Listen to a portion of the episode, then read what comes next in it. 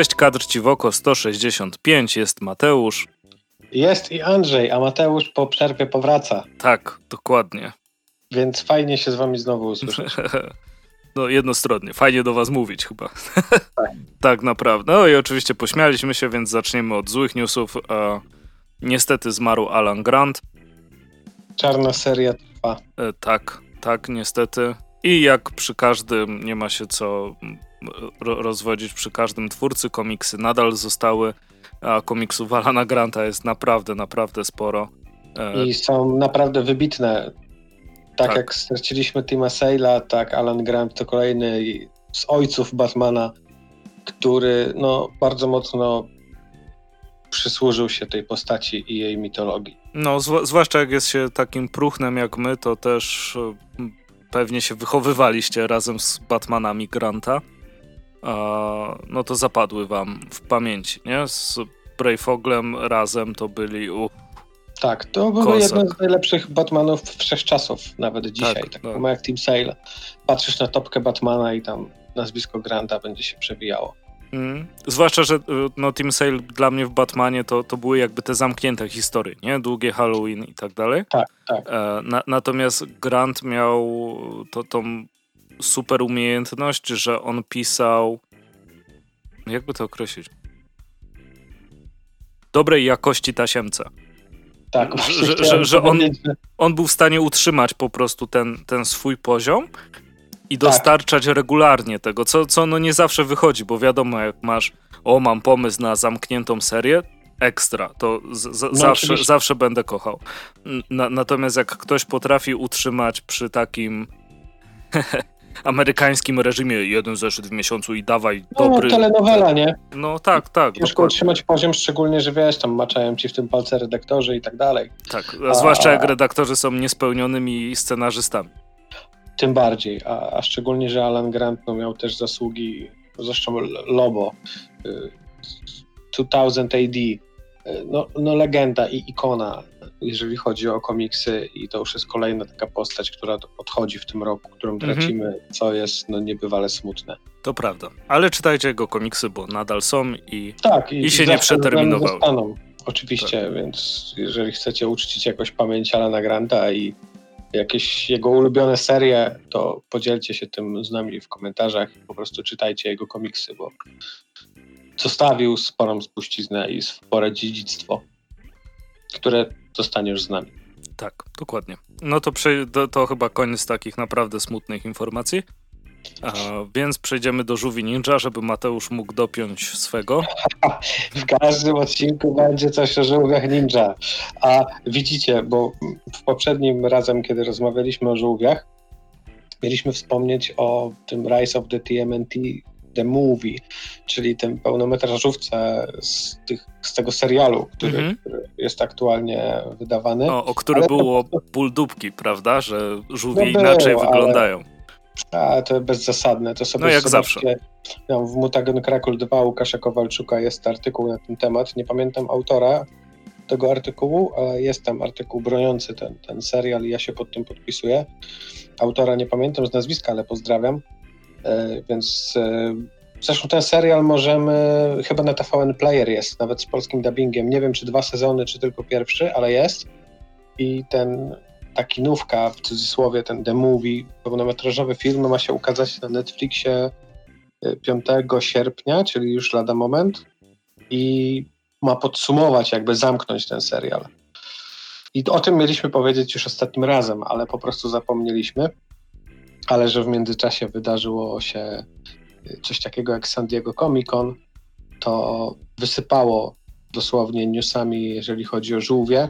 I tak jak mówiliśmy również jednym z ostatnich odcinków, że to jest naprawdę dobry rok i naprawdę dobry czas, jeżeli chodzi o fanów e, Żółwi Ninja, bo e, zapowiedziano e, sequel Żółwi Ninja vs. Power Rangers. Będzie Vol 2 w listopadzie. Dan Mora, który robił w pierwszej serii z 2019 okładki, teraz będzie odpowiadał ogólnie za art, za, za, za rysunek, za całą sferę wizualną, natomiast Ryan Parrott zostanie scenarzystą. Zbyt więcej nie powiedziano, natomiast tutaj fajnie, że ta współpraca Boom Studios i IDW się układa. pierwsza seria była spoko. Myślę, że druga, mhm. druga, druga też będzie, na pewno przeczytam. E, fajnie, że idą w tę stronę, sporo fajnych. E, żółwie mają swoją serię, swój ongoing, który jest świetny. E, mają fajne właśnie crossovery, które też są super. Lepsze, gorsze, ale ogólnie trzymają poziom. Tak. No i ostatnio też Lastronin, który właśnie została zapowiedziana kolejna seria z Lastronina, kolejna miniseria, mhm. która będzie zatytułowana Lost Years. E, I ma ona być e, prequelem do tego głównego Lastronina, co mnie zaskoczyło, bo jak sprawdzisz sobie piąty zeszyt, to tam na końcu jest to be continued, czyli jakby spodziewałem się tej kontynuacji, ale nie, że to będzie prequel. E, więc Last Ronin Lost Years również pięcioczęściowa miniseria. Z Last Roninem powiem ci, że e, mój kumpel miał ostatnio, może go nieładnie zaskoczyło, tak, bym, tak bym powiedział, bo sobie, wiesz, mm, czekał na, na zbiorcze, jeszcze go, tam nie było stać i tak dalej, i tak dalej. No i zapowiedzi IDW, czy tam zapowiedzi z Comic Conu, e, grafika promująca, jest ten ostatni żółw, który przeżył i reszta żółwi w formie jakby tam duchów za nim. Tak, to będzie wariant okładkowy, który Mike Diodato narysował. Tak. No i wiesz tak, kurde. Już wiem, kto został tym ostatnim Roninem. E, tak, ale jakby to jest tajemnica, która się ujawnia na końcu pierwszego zeszytu z pięciu i już tak mniej więcej jak wyszedł trzeci album, to już wszyscy o tym mówili na lewo i prawo. I, wiesz, no nie, nie, nie, oczywiście, ale to, to, to wiesz, po prostu... Aczkolwiek a... powiem ci, że kiedy jeszcze nie wiedziałem, kto będzie tym żółwiem, to akurat domyślałem się, że to będzie ten. No u mnie też było podobnie. Ja, jakby obstawiałem dwóch. E, Bo to się jakby samo nasuwa. Tak, tak. Też, też, no. No nie chcemy, my wam oszczędzimy spoilerów, jeżeli jeszcze nie czytaliście tej serii. A warto. Bo jest świetna. Mhm. To takie naprawdę fajne żółwie dla dorosłych dla dojrzalszych może czytelników. No, no nie szalej, dalej to żółwie. No, ale wiesz, ale tak. takie wiesz, poważne, mroczne, przemocowe momentami e, jest, jest bardzo spoko, więc kontynuując blok żółwiowy, kadr ci w oko, no to kolejne dwie, tak, czyli mamy e, żółwie kontra Power Rangers 2, mamy e, dalszą część Lastronina w listopadzie, no i pojawił się trailer z gry Kawabanga Collection, o której też mówiliśmy niedawno i był to trailer, który zdradził nam datę premiery. Mhm. I otóż odbędzie się ona 30 sierpnia, więc mniej więcej więc za miesiąc. miesiąc. I oprócz tego, co wiedzieliśmy, że będą to wszystkie klasyczne serie z Game Boya, NESa i SNESa, no to tam będą też artworki, no i poznaliśmy tą datę premiery, czyli lada moment. Myślę, że kto miał ograć to już ograł Shredder's Revenge i teraz będzie można się zagłębić e, w te retro tytuły.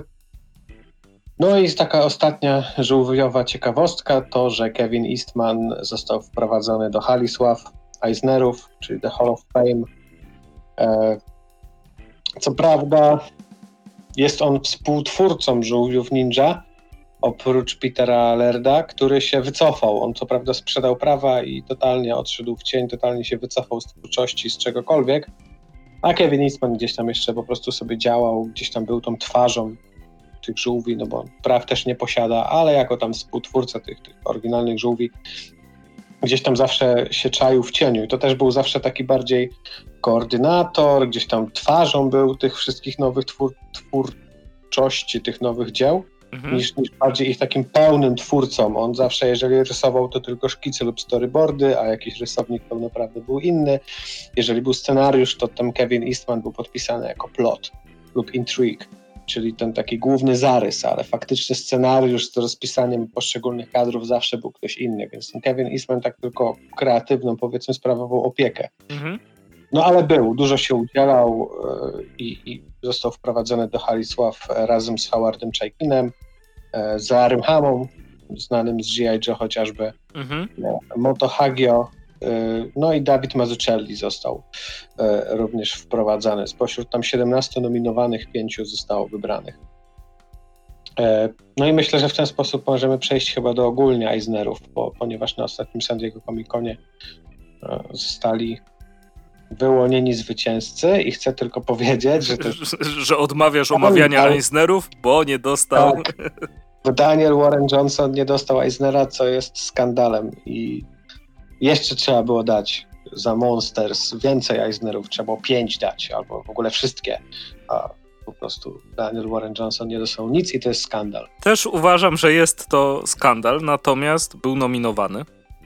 Tak. A tylko to się liczy, ponieważ każda nagroda, no. Wiadomo. No, wiadomo, wiemy jakie jest podejście, znaczy wy wiecie jakie jest nasze podejście do nagród. No. Tak, no ty, tych kategorii jest strasznie dużo, więc e, nie ma się też no. co oszukiwać. Jeśli chcecie sobie sprawdzić e, listę zwycięzców, to w opisie damy link do postu na Facebooku z Acabu, e, o, tak ponieważ e, jest przygotowany świetnie, merytorycznie, jest wypunktowane, kto za co dostał i czy jest polski tytuł. E, więc same plusy, tak naprawdę. Raczej bez, bez zaskoczeń, ale chyba ogólnie z wiekiem jest tak, że e, nie ma to już takiego, ta, takiego znaczenia. Znaczy wiadomo, no. gdyby samemu być nominowanym, to pewnie ho, no tak, ale, ale zmieniłoby się podejście. My jako odbiorcy to już nieraz mówiliśmy, czym są nagrody, szczególnie gdy mówiliśmy o nominacjach, to myślę, że większość naszych typów się spełniła. Mhm. Plus to są nominacje, to już jest super, bo to są drogowskazy, co sprawdzić, co zwraca na siebie uwagę, co gdzieś jest tam wyróżniane, a, tak. a reszta to tam. Zresztą sam, sam, sam Daniel mówił, że dla niego być nominowanym razem z takimi ludźmi to, to już jest jak wygrana i jest super. A ogólnie coś śledziłeś, e, co się działo w San Diego? E, powiem ci, że średnio. W zasadzie wyłapałem tylko tych żółwi i Eastmana w Hall of Fame. Widziałem panel z Himena, bo Masters of the Universe ma 40-lecie w tym roku. Mhm więc były tam trochę atrakcji. Był Dolph Lundgren, który grał filmową rolę Himena i tam, wiesz, podniósł w pewnym momencie miecz i powiedział I have the, power, the power of Grayskull, I have the power. I to było takie wow. Wszyscy byli brawo. I był panel chyba Boom Studios, gdzie Keanu Reeves mówił o tym Byrzykury, gdzie jest tam też scenarzystą, a tak naprawdę współscenarzystą, a tak naprawdę to też on w zasadzie to plot, czy tam intrigue napisał i opowiadał o tym właśnie tak emocjonalnie, że ten komiks się ukazał i miał go w ręce, to się czuł jak dziecko na gwiazdkę, to takie było fajne, fajne przemówienie jego. Y, I tak poza tym to chyba nic więcej. Mm.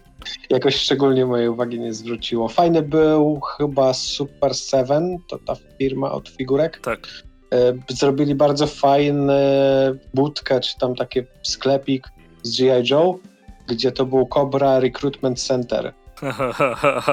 Wchodzisz i masz po prostu wszystko, kurtki, kur, cały merch po prostu Cobry z G.I. Joe, nie? To był sklep, mogłeś sobie po prostu kupić, ale był tak zaaranżowany na takie Cobra Recruitment Center, że mogłeś wejść i zarekrutować do Cobry i to było super. Jak widziałem filmik na Instagramie, jak ktoś tam oprowadzał, to było takie wow podobało mi się to. Pa, tak pamiętam, tak, że... No, no, no. Nie, nie, nie zwróciło nic bardzo szczególnie więcej mojej uwagi, ale też jakoś bardzo nie śledziłem. No tyle, co mhm. mi się gdzieś tam na Instagramie przebiło z profili, które śledzę. Okay. Więc, więc nie. Ale przypuszczam, że gdybym trafił, to bym się też pewnie czuł jak dziecko na gwiazdkę. Coś znalazł dla siebie ciekawego. Tak, no pewnie, pewnie tak. Odnośnie Kobry tylko mi się przypomniało, kiedyś czytałem jakiś artykuł, że był zjazd chyba fanów G.I. Joe w Springfield, którymś, bo ich jest tam kilka w Stanach. Tym e, Simpsonów. zapewne, zapewne. I było zdjęcie, e, jak tam burmistrz Springfield przekazuje Cobra Commanderowi klucze do miasta, czy coś takiego. No to jak scena Simpsonów. Więc może to było to Springfield. Może, może, kto wie. No, ale to fajny, fajny klimat zdecydowanie. Miss San Diego chyba najbardziej zapadł taki mem, jak była zapowiedź nowych filmów Marvela, że, że nie robią już żadnych i sobie pomyślałem, tak, o! Kevin, Kevin Feige wychodzi i mówi, we fucking done, no new movies. tak, widziałem i to też było spoko. I okazało się, że to mem. I... Szkoda. No, powiem ci, że fakt, możemy o tym chwilę powiedzieć, bo zapowiedziano tam chyba piątą i szóstą fazę, tak? Ujawniono Tak, ale wiesz, już w tej, która jest teraz, jest takie Więc ilość godzin skoczyła ci do 200 iluś, żeby to wszystko obejrzeć, nie zrobić, ale tak naprawdę jedno wielkie mech. Może Blade'a bym obejrzał i może tego Daredevila nowego, a reszta nie budzi we mnie jakichś wielkich emocji.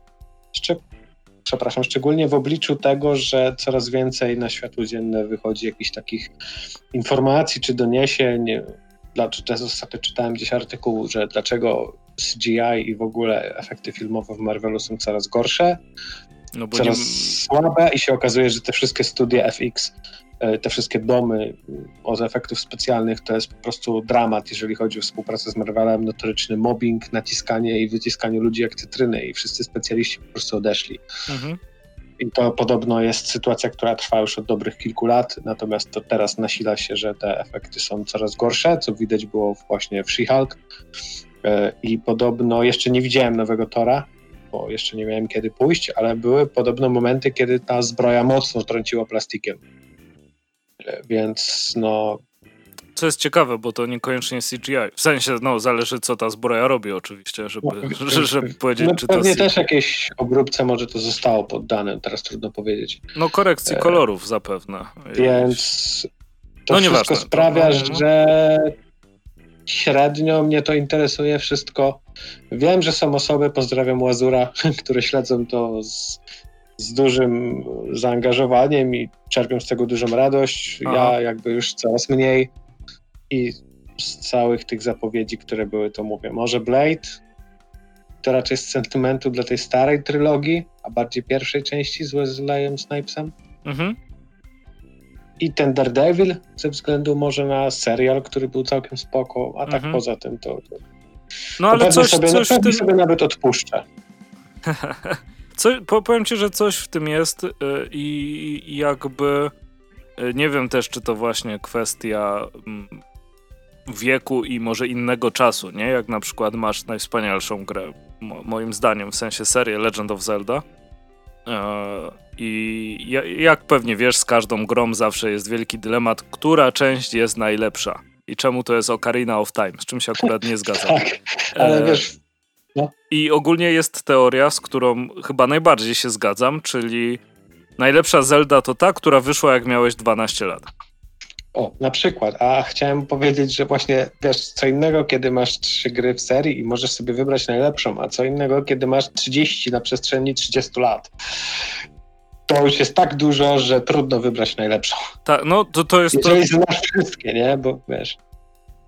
Tak, to zdecydowanie. I to też jest dla mnie chyba, wiesz, to e, jak patrzysz powiedzmy na, na, na rynek tych, jakby to nazwać, dóbr kultury e, i kwestia, czy jesteś czymś zasrany, czy jest ci coś dawkowane. Bo, e, no, no wiesz, z filmów to jest Marvel, nie? Jest non-stop. Non-stop tak, jest jakiś film. Ostatnio Paweł mi wysłał, e, Paweł Pankulka, pozdrawiam, wysłał mi taki... Też pozdrawiam. To był jakiś schemacik, czy taka graficzka, wiesz, infografika z neta, jak poszczególne facy, ile wymagały od ciebie godzin, żeby je obejrzeć na... żeby wszystkie po prostu się z nimi zapoznać. I tam pierwsza, druga faza to tam, wiesz, 6 godzin, bo to były tam trzy filmy. Potem ileś tam godzin, bo to było coś tam.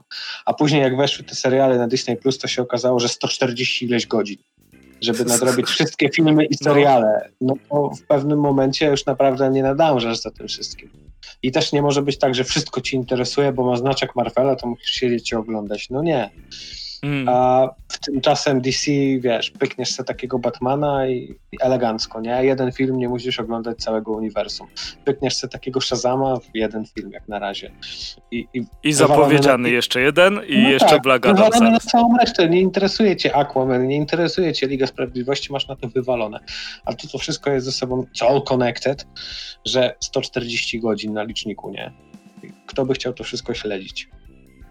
Tak, dokładnie. E, może nie jestem odpowiednią osobą, bo wpadłem na kolejny kretyński pomysł. Mój pierwszy kretyński pomysł to jest zrobić sobie wyższe wykształcenie po 30. I to, to jest ciężko znaleźć siły, więc wpadłem na jeszcze głupszy pomysł, który się nazywa Nadrób sobie One Piece'a. I cisnę. E, no, ale tak czy siak. Je, jeśli chodzi właśnie o tą rzadkość, powiedzmy, e, Mo, tak chyba kiedyś było z Gwiezdnymi Wojnami, nie? Gwiezdne Wojny to kiedyś nawet miałeś problem kupić, jak chciałeś sobie DVD ogarnąć. A, tak, no był taki moment, że tego po prostu nie było. Dopiero po jakimś czasie zaczęły się pojawiać te e, tak, to... w jednym paku i tak dalej. Ale był moment, kiedy tego po prostu nie było. No tak do... samo wiele mhm. innych klasyków. Tak, tak, do, do, dokładnie tak. I z tego, co kiedyś rozmawiałem ze znajomym, który był kierownikiem w media, Markcie, w sensie, albo w jakimś firmie i wcale nie powiedziałem jej nazwy, jakby miał mieć problemy, e, to podobno była celowa strategia E, że to miała być właśnie taka celebracja, taki um, pseudoelitaryzm. W sensie pseudoelitaryzm nie to... dlatego, że o, nikt nie może dostać może Gwiezdnych to, Wojen, może... tylko no. że możesz je dostać bez problemu wtedy, kiedy je udostępnimy do sprzedaży. A to wiesz, to nawet nie, nie tyle strategia sklepu, bo jeżeli coś Nie, nie, to jest strategia rynku, wydawcy, nie, nie, nie media. Nie, nie, sklep to łyknie, ale właśnie, jeżeli chodzi o wydawcę, nie? Tutaj No właściwie tam dystrybutora, jakby, jakby się no. zastanowić. Tylko to były czasy przed Disneyowskie i jeszcze nie było ziemniaków z BB-8 tam. Tak, i nie, nie było drukujmy pieniądze. tak, do, no, no, no. I, I na przykład w grach moim zdaniem to Rockstar robi, nie? E, znaczy, pomijając jakby ciągłe dodatki do GTA 5, e, ale jak no, Rockstar tak. wydaje grę, to jakby możesz się spodziewać, że ona jest raczej dopracowana. A jak Ubisoft wydaje grę, to czekasz na wszelki wypadek 3 miesiące, żeby staniała o 100 zł.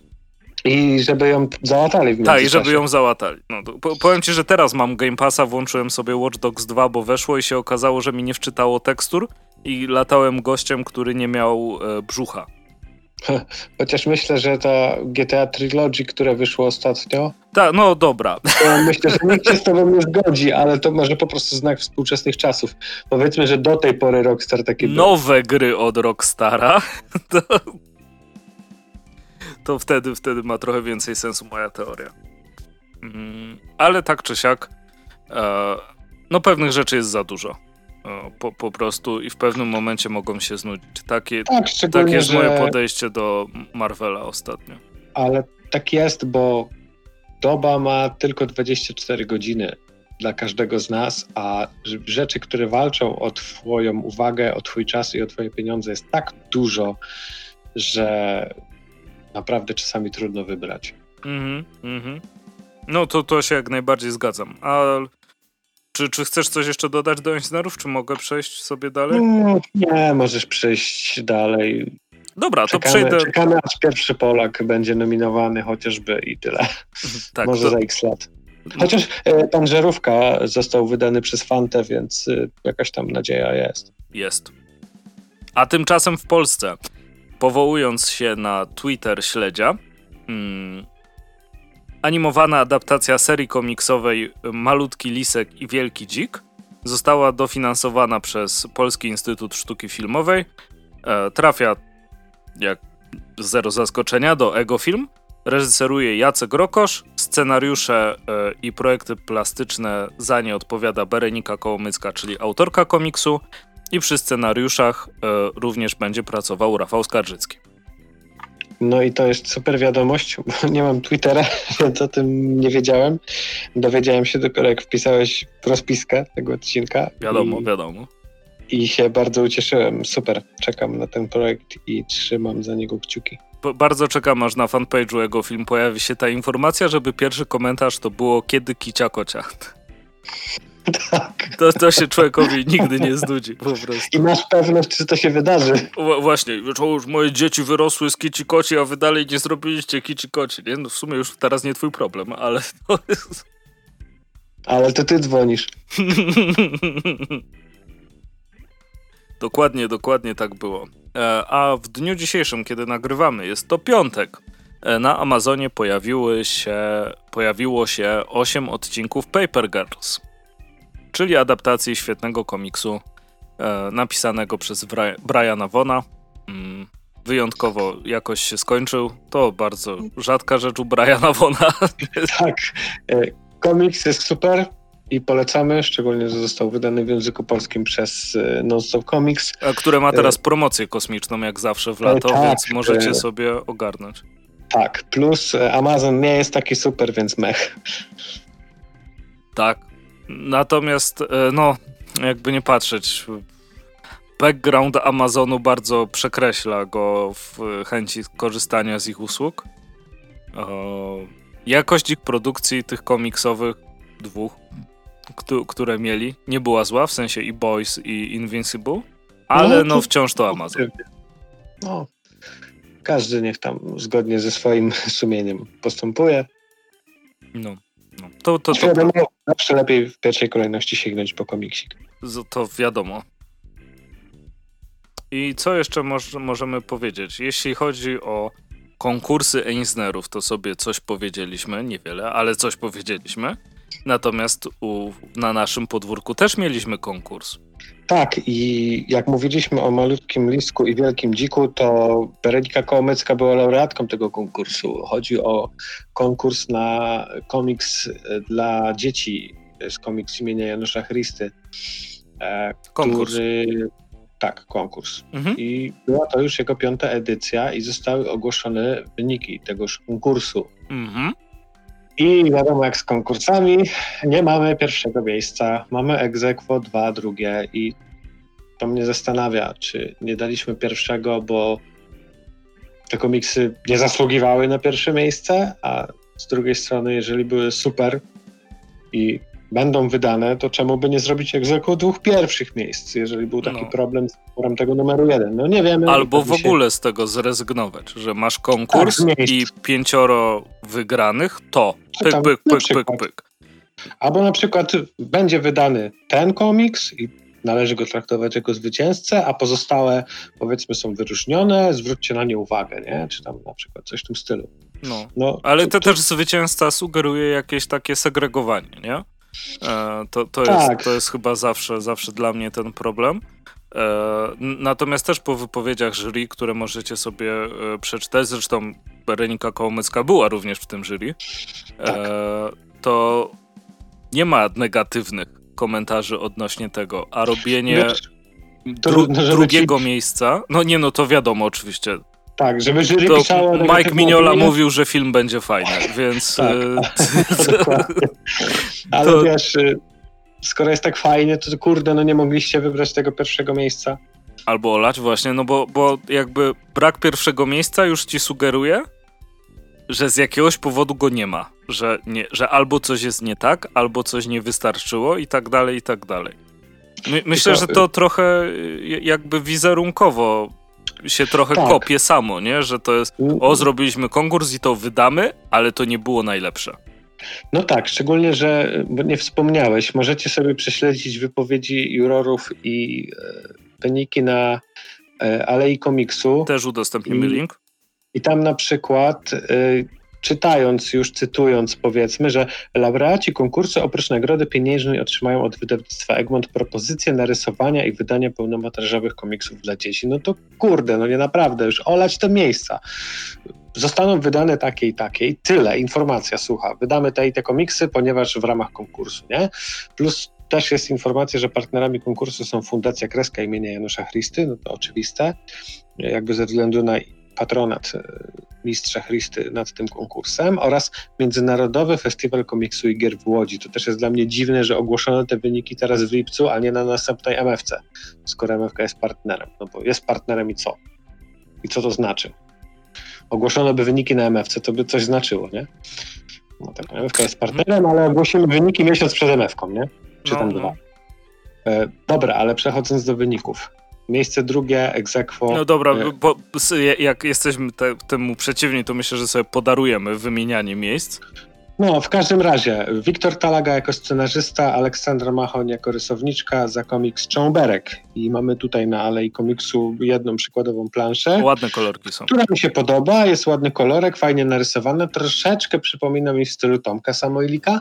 Aha, aczkolwiek no, no, no. te dymki nie mają, zauważ, tego outline'u czarnego, są po prostu biała chmurka na tle. Mhm więc to już troszeczkę inaczej ten charakter wygląda, te gatery takie komiksowe masz bardzo wyraźne, ten, ten podział pomiędzy kadrami, ale wygląda to fajnie i taki komiks chętnie bym przeczytał. Jeżeli Egmont to wyda, to na pewno to przeczytam. Mhm. E, kolejne wyróżnienie Urszula Szerszeń, scenariusz i rysunki, czyli autorka samodzielnie stworzyła ten komiks. E, Patty i Elmo małe problemy. Mhm, mhm. I też wygląda całkiem ok, chociaż po tej jednej planszy mało można powiedzieć.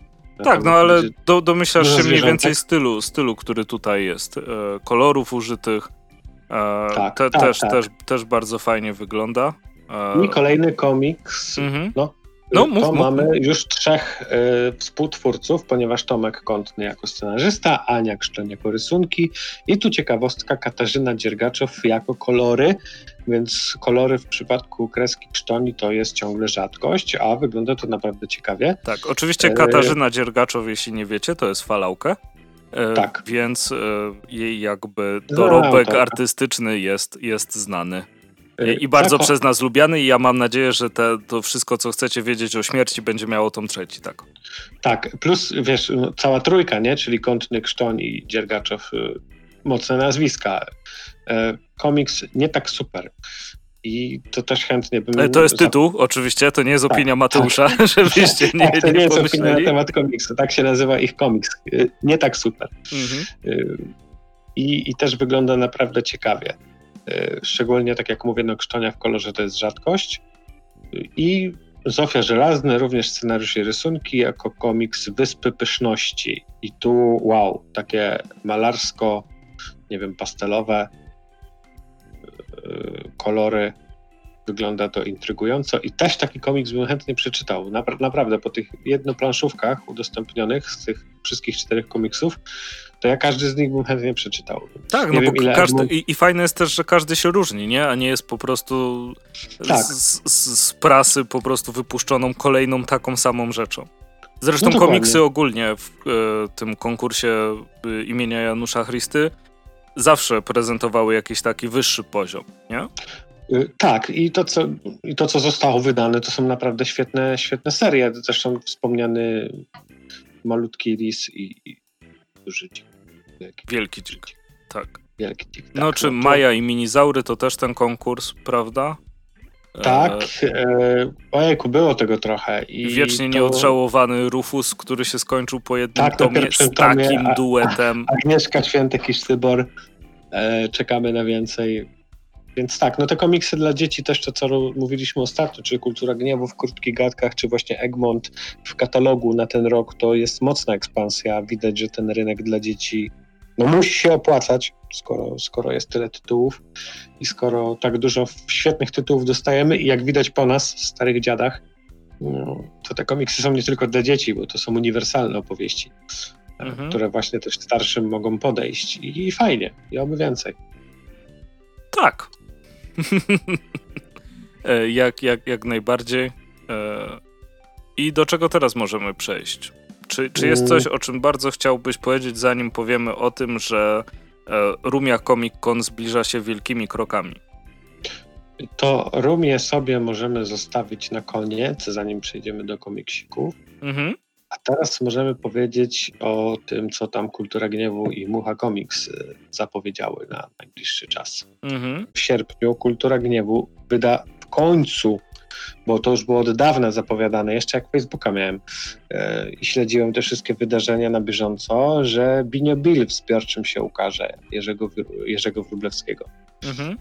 I czekałem na to długo i w końcu się doczekam. Będzie zbierał wszystkie poprzednio wydane pojedynczych albumach e, opowiastki naszego polskiego Lucky Luka, jeżeli tak można to powiedzieć. Mhm. E, czyli Binio Bill kręci western i w kosmos, Serio Clavo, Binio Bill i sto karabinów, Binio Bill i skarby pajutów, mhm. a także Binio Bill i szalony, i szalony Heronimo. Plus będą jakieś tam dodatki. E, no i to wszystko w takim dużym wydaniu zbiorczym, 288 stron w ramach krótkich gatek, więc spoko.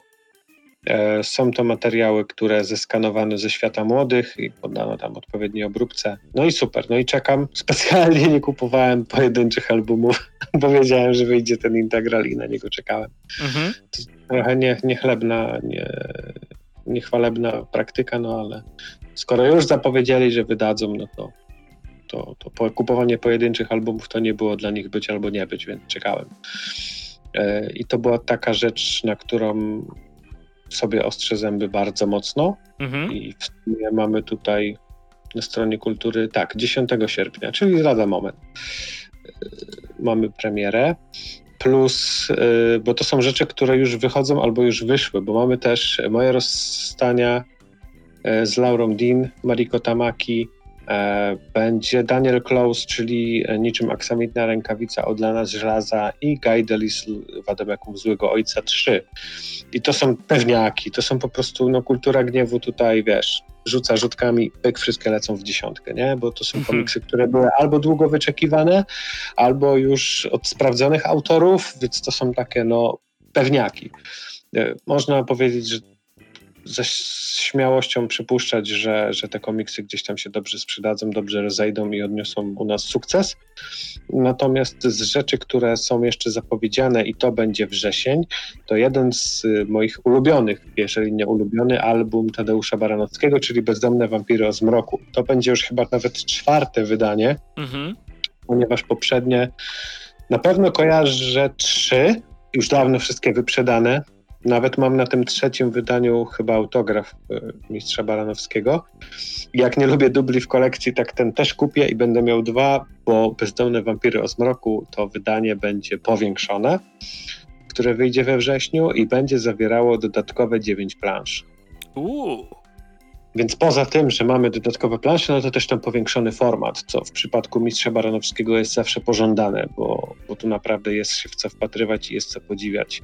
Tak, Więc no. y, też bardzo mocno na to czekam, szczególnie, że tak jak mówię, jeszcze gdzieś tam wywodząc się z dzieciństwa, to jest chyba mój ulubiony, oprócz y, Wody Sodowej, to jest mój ulubiony album y, Baranowskiego i no czekam, po prostu czekam i fajnie. I to też jest złoty strzał dla mnie, bo to się mhm. rozejdzie na pewno na pniu.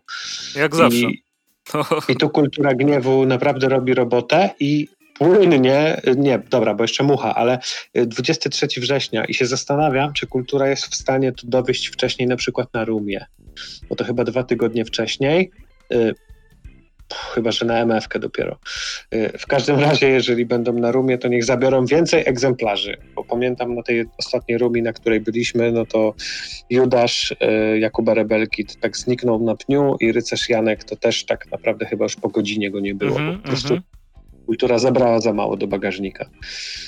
Y, więc no, ale mogliby... wiesz, na przykład na MFC, nie pamiętam ile lat temu, jak wychodziła ta poprzednia wersja e, bez, wampirów od, Barano, od Baranowskiego, e, to one też się chyba skończyły tamtego dnia. Bo to pamiętam, że poszliśmy tam z Krzyśkiem najpierw kupić. I e, kultura ogólnie, kultura gniewu ma e, świetnie przygotowane te tytuły. I to jest raczej stoisko, które warto odwiedzić na początku, żeby później nie płakać, że się nie udało kupić kościska. No więc myślę, że tak samo jak ty będę miał dubla. E, zresztą wszystkie prace e, pana Tadeusza Baranowskiego za, zawsze, zawsze głęboko w sercu. E, też mam no chyba jest... takie z, z dzieciństwa, że w moim przypadku to akurat jest podróż smokiem diplodokiem. Mm, mhm. Bo była tam, gdzie jeździłem na wakacje na wieś. Był, był stary egzemplarz i znałem go na pamięć i przy jakimś wyjeździe nad morze w tych takich, wiesz, klasycznych namiotach z książkami. Tak, tak, tak. E, przepraszam, remament. E, to też o, znałem tak. na pamięć. Zresztą. I, też jestem wznowiony, bo tak naprawdę teraz e, mistrza Baranowskiego to kultura tak na przemian są grysem wydają i to, co on grys wydały, wydaje tego więcej. Mhm. Jest tego, jest dobry dostęp do tego. A to na są szczęście. komiksy, które czytali nasi ojcowie i będą czytać nasze dzieci, nie? To jest fundament i ikona polskiego komiksu, więc naprawdę każdy powinien sięgnąć. I fajnie, że te rzeczy się ukazują, że są cały czas wydawane i myślę, że jeszcze będą. Szczególnie, że no, Tadeusz Baranowski już wielokrotnie żegnał się z polskim komiksem no, ze względu na zdrowie i tak dalej. A jednak ciągle wychodzą nowe rzeczy i oby taki stan trwał jak najdłużej. Mhm, mm, to prawda. No. Y i przechodząc dalej do tych nowinek wydawniczych, no bo jako słowo się rzekło jeszcze mucha. Tak. E, w lipcu cztery tomy, będzie piąty tom księżycówki. Mhm. Lipiec się kończy, ale tak. No to pewnie te rzeczy już wyszły. 26 lipca, tak, tak, tak. O, więc pewnie te rzeczy są już dostępne, no to są to w takim razie nowości. I mamy kolejny tom księżycówki, mhm. który zbiera zeszyty 23-28 i nie wiem, czy to nie jest ostatni, ale mogę się mylić.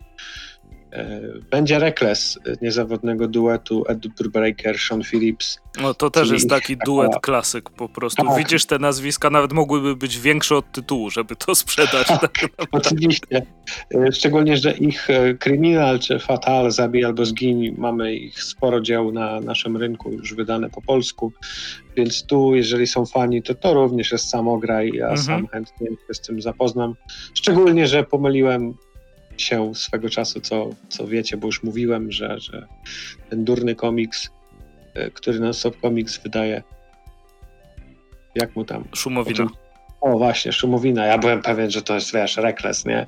Nie wiem skąd mi się to wzięło, nie wiem skąd mi się to pomyliło, ale Rekles w końcu wychodzi, e, więc też fajnie. Kolejna rzecz to będą dwie rzeczy Jeffa Lemira. Mhm. E, Tutaj mamy sztuczną inteligencję, którą narysował Gabriel Hernandez Walta, e, czyli trochę takie science fiction, e, kosmos i, i, i, tak dalej. E, plus będziemy mieli pierwotny, czyli no. tam z angielskiego to było Primal i mm -hmm. to mhm. też była I naprawdę rysunki. fajna I Andrea Sorrentino, mm. tak, czyli zgrany, dobrze znany na naszym rynku duet Lemir i Sorrentino i to też jest trochę takie science fiction, też trochę kosmos, ko, kosmicznych klimatów. E, myślę, że te komiksy też znajdą na naszym rynku swoich odbiorców. No, Jeff Lemire jakby sa, sam znajduje, nie? Też, też trochę już. No, znane u nas nazwisko mocno już zakorzenione, mające swoich fanów, to e, więc tak, więc to jeżeli chodzi o Muchę i to również już powinno być do kupienia, pewnie jak to słuchacie, to mogą się znaleźć słuchacze, którzy już te komiksy w naszym języku przeczytali. Może już nawet je sprzedają. To, to mnie zawsze zastanawia na, na grupach komiksowych, że jest jakaś premiera komiksu i w ten sam dzień są jakieś egzemplarze do kupienia używane. Te recenzenci na przykład. Albo wiesz, ktoś kupił, przeczytał. No różnie bywa, nie? Czasami różnie, jak, różnie. Pamiętam, pamiętam, jak byłem na. E, ja jeszcze miałem to konto na Facebooku i gdzieś tam na grupach się udzielałem, czytałem, to też tam kogoś zastanawiało, że wiesz, ludzie sprzedawali komiksy i ktoś tam e, na przykład jeszcze przed premierą albo gdzieś tam blisko premiery i teksty typu, wiesz, spadło z ciężarówki z drukarni, nie? I tam możesz się domyślać, czy ktoś po prostu w, drukarni pracuje, czy w jakimś sklepie mhm. i gdzieś na lewo to sprzedaje. Nie mam pojęcia, chyba nawet nie chcę tego wiedzieć, ale no, bywa różnie. Mhm. Nie, no jak, jak, jak, jak najbardziej. Dobra, to przejdźmy do y, Rumi. Jakby, jakby nie patrzeć, bardzo ważnego wydarzenia, 10 września, e, Rumia Comic Jaki 10? No. 12. Tak? To, to chcesz... No, chcesz... Dziesią... A, a, ty czekaj! Nie! Dobrze, 10, sobota. Nie wiem skąd mi się wzięło, że 12. Też nie wiem. poniedziałek. Przepraszam najmocniej. Byś pojechał 10. do Rumi jak kretyn, powiedział jak mu... Co jest? o dobra, ale dobra, ale sobie teraz strzeliłem kolano. Nie wiem, ale ty, myślałem ostatnio dużo o Rumi, nie? Bo mówię, kurde, jest MFK we wrześniu i jest Rumia, ale chyba pojadę do Rumi, bo dwóch imprez obskoczyć to, to już w moim wieku nie bardzo. Ale jedną. Powiedział kurde, gość, który pojechał do Rumi z Wrocławia, był tam trzy godziny i wrócił z Rumi do Wrocławia i przeżył. Nie no, byłem 6 godzin, ale 12 w pociągu. Ale i tak było fajnie. I chyba chcę to powtórzyć, e, bo wydaje mi się, że Rumia będzie dla mnie lepsza niż MFK. E, ale przechodząc do rzeczy, tak, Rumia została przeniesiona z marca na wrzesień i ruszyły już z kopyta zapowiedzi, nawet został odpalony dedykowany profil na Instagramie. Mhm.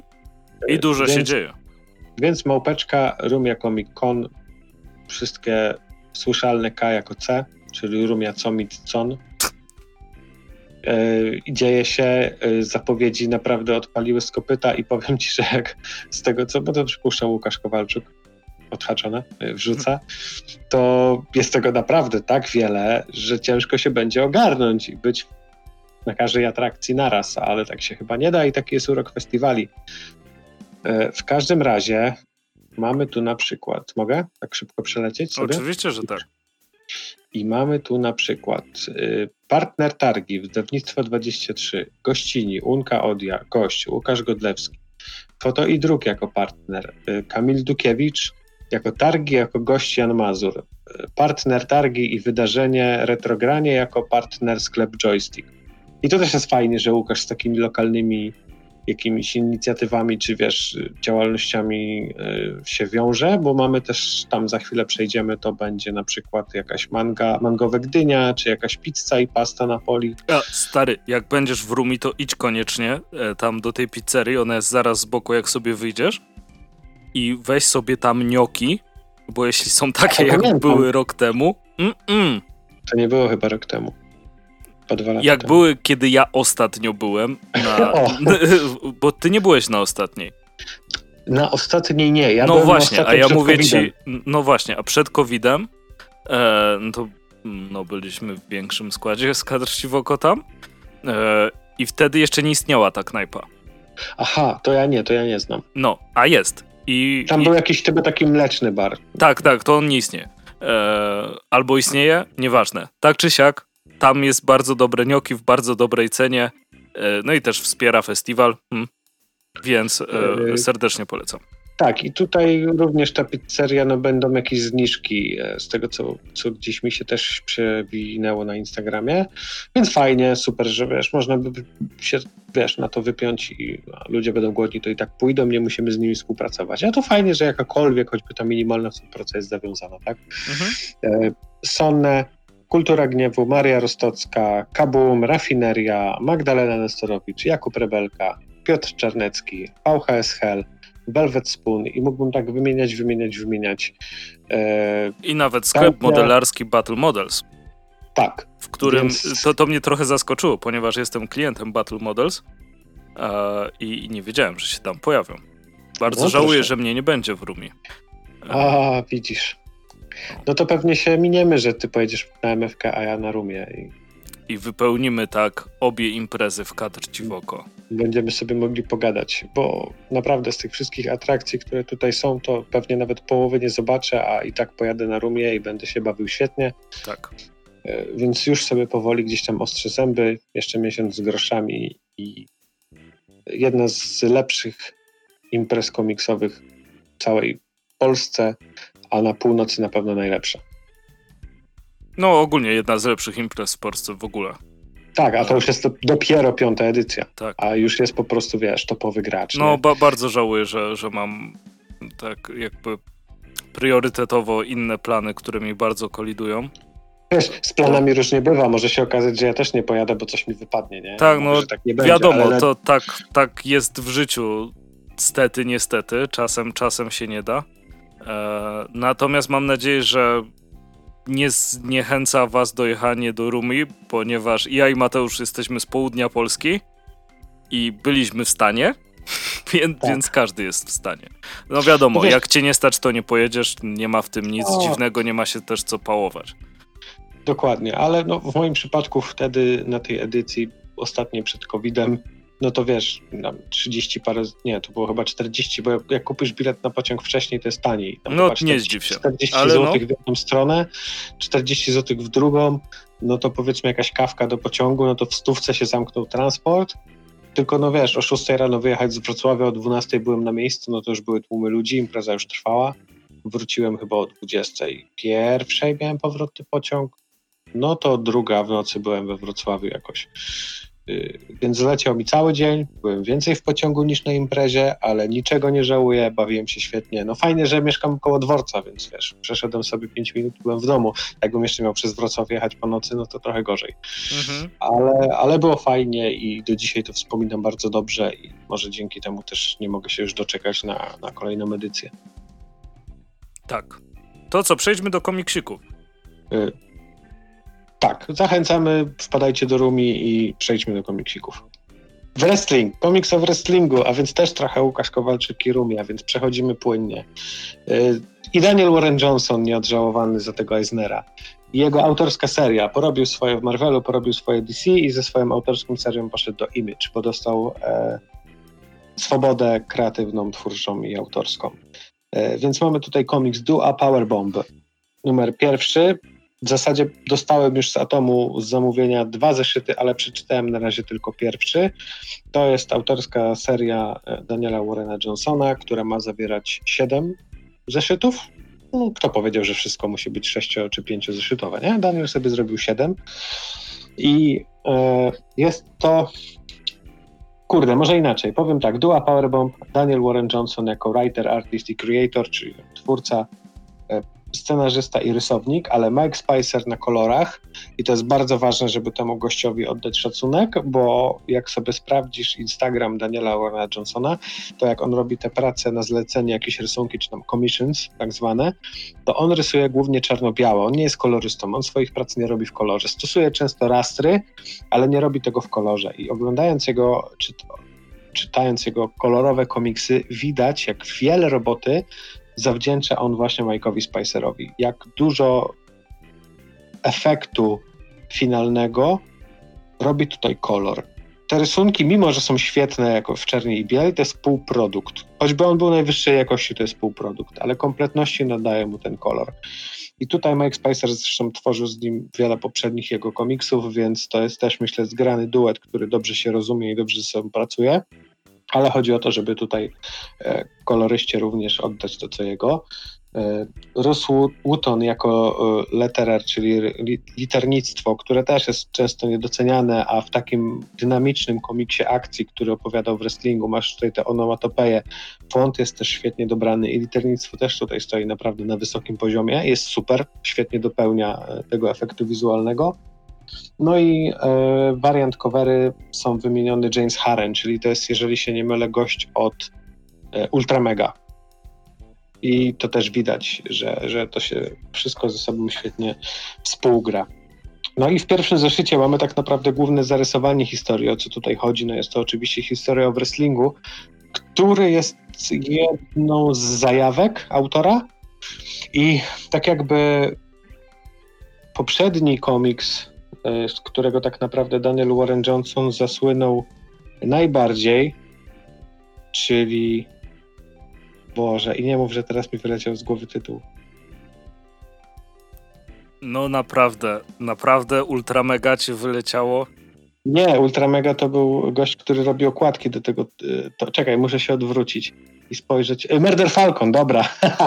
dobra, zrobiłem to bez odwracania się. Tak, Murder Falcon. O ile Murder Falcon był taką zajawką e, Daniela Urana Johnsona na muzykę metalową, na heavy metal, e, co też jest jedną z jego pasji. On gra na gitarze i też tam się uczy ciągle i to jest jedna z jego pasji. Opowiedział o tej pasji poprzez ten komiks. Tak o pasji do wrestlingu opowiada poprzez duo Powerbomb. I nawet na samym końcu, gdzie skończy ci się fabuła, tego komiksu, masz to be continued, jest cała strona z tekstu, gdzie Daniel Warren Johnson tłumaczy, skąd się wziął ten komiks, skąd się wziął Dua Powerbomb, jaki miał, co miało wpływ, że, że ten komiks w ogóle powstał e, i co do tego doprowadziło. I on tutaj sam mówi, że tak jak dla metalu to był Murder Falcon, tak tutaj dla wrestlingu jest to Dua Powerbomb. I mówi o tym dlaczego. I mówi o tym, że komiks to jest medium, w którym możesz zaprosić czytelnika do swojego świata. I on tutaj mówi o tym, że bez względu na to, czy jesteś stanym, starym fanem i wyjadaczem we wrestlingu i go lubisz, czy też jesteś kimś nowym, który dopiero się e, interesuje tematem, to on zaprasza obydwie drużyny i poprzez komiks może podzielić się swoją zajawką. I to tak naprawdę są świetne słowa, które ten komiks definiują, bo jeżeli ktoś lubi wrestling, lub jest mu wrestling obojętny, ale chciałby przeczytać dobrze narysowany, dobrze rozpisany komiks akcji, no to jest to rzecz dla niego i tu powinien w ciemno. Natomiast jeżeli ktoś w wrestlingu jako takiego nie lubi, no to ten komiks tak naprawdę no, nic mu nie zaoferuje, nie zrozumiesz tej zajawki. Mhm. Natomiast jeżeli są to klimaty, te słowa kluczowe tobie bliskie, no to przepadniesz i to jest naprawdę świetny komiks. I przymierzałem się kiedyś do napisania takiego artykułu, na, takiego przeglądu, a gdzieś tam wiesz, gdzieś tam bym komuś do Zina puścił na temat przeglądu komiksów o tematyce wrestlingu, więc swego czasu chcąc nie chcąc yy, przeczytałem chyba większość. Tam Ringside od Image był, pamiętam kupiłem w Atomie, jak była to taka mega wyprzedaż z okazji 4 lipca. Był tego gościa ze Szkocji, Boże, z tym karpiem. Który był na kurczakach. Glorious Wrestling Alliance. To, co e, Josh Hicks. Mm, tak, chwalebny tak. sojusz wrestlingu w Polsce. Tak, i, i, i to też był naprawdę super komiks o wrestlingu. E, tak uważam, że Dua Powerbomb to najlepszy komiks o wrestlingu. Już po tym pierwszym zeszycie, nie? I po przejrzeniu drugiego. Jest naprawdę super. Widzę tutaj pewne wspólne mianowniki z Murder Falconem, że no, autor tutaj dzieli się swoją zajawką. On jest i rysownikiem, i scenarzystą, więc w scenariuszu widać pewne podobieństwa, tak? Masz jakiegoś głównego bohatera, jego osobistą tragedię, to jak e, musi walczyć z otoczeniem, z tym, co go spotkało, to trauma, musi też udowodnić sobie i innym lub też znaleźć kim jest, kim chce być.